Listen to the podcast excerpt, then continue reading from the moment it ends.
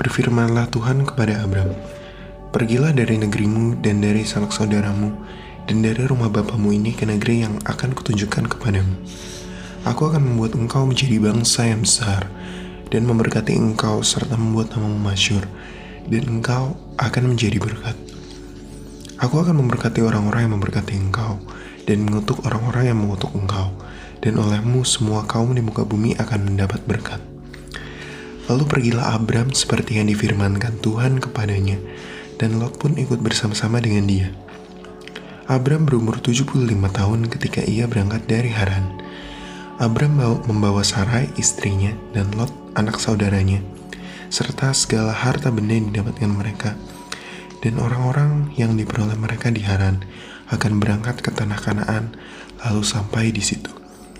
Abram berjalan melalui negeri itu sampai ke suatu tempat di dekat Sikem, yakni pohon terbatin di More.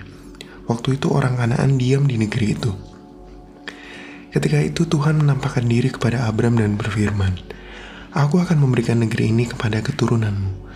Maka didirikannya di situ mesbah bagi Tuhan yang telah menampakkan diri kepadanya. Kemudian ia pergi dari situ ke pegunungan di sebelah timur Betel. Ia memasang kemahnya dengan Betel di sebelah barat dan Ai di sebelah timur. Lalu ia mendirikan di situ mesbah bagi Tuhan dan memanggil nama Tuhan. Sesudah itu Abram berangkat dan makin jauh ia berjalan ke tanah Nageb.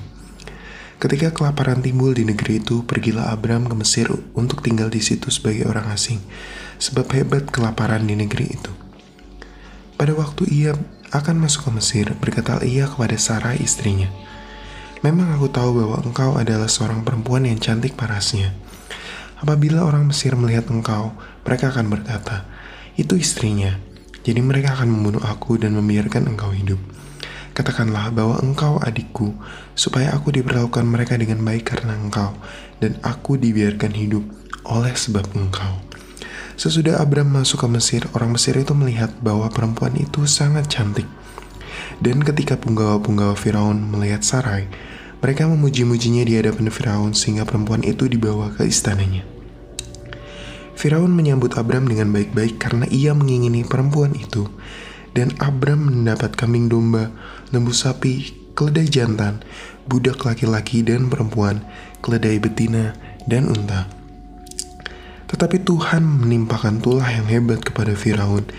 Demikian juga kepada seisi istananya karena Sarai, istri Abram itu. Lalu Firaun memanggil Abram serta berkata, Apakah yang kau perbuat ini terhadap aku?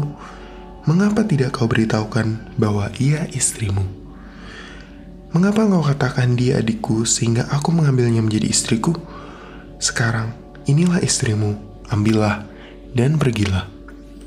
Lalu Firaun memerintahkan beberapa orang untuk mengantarkan Abram pergi bersama-sama dengan istrinya dan segala kepunyaannya.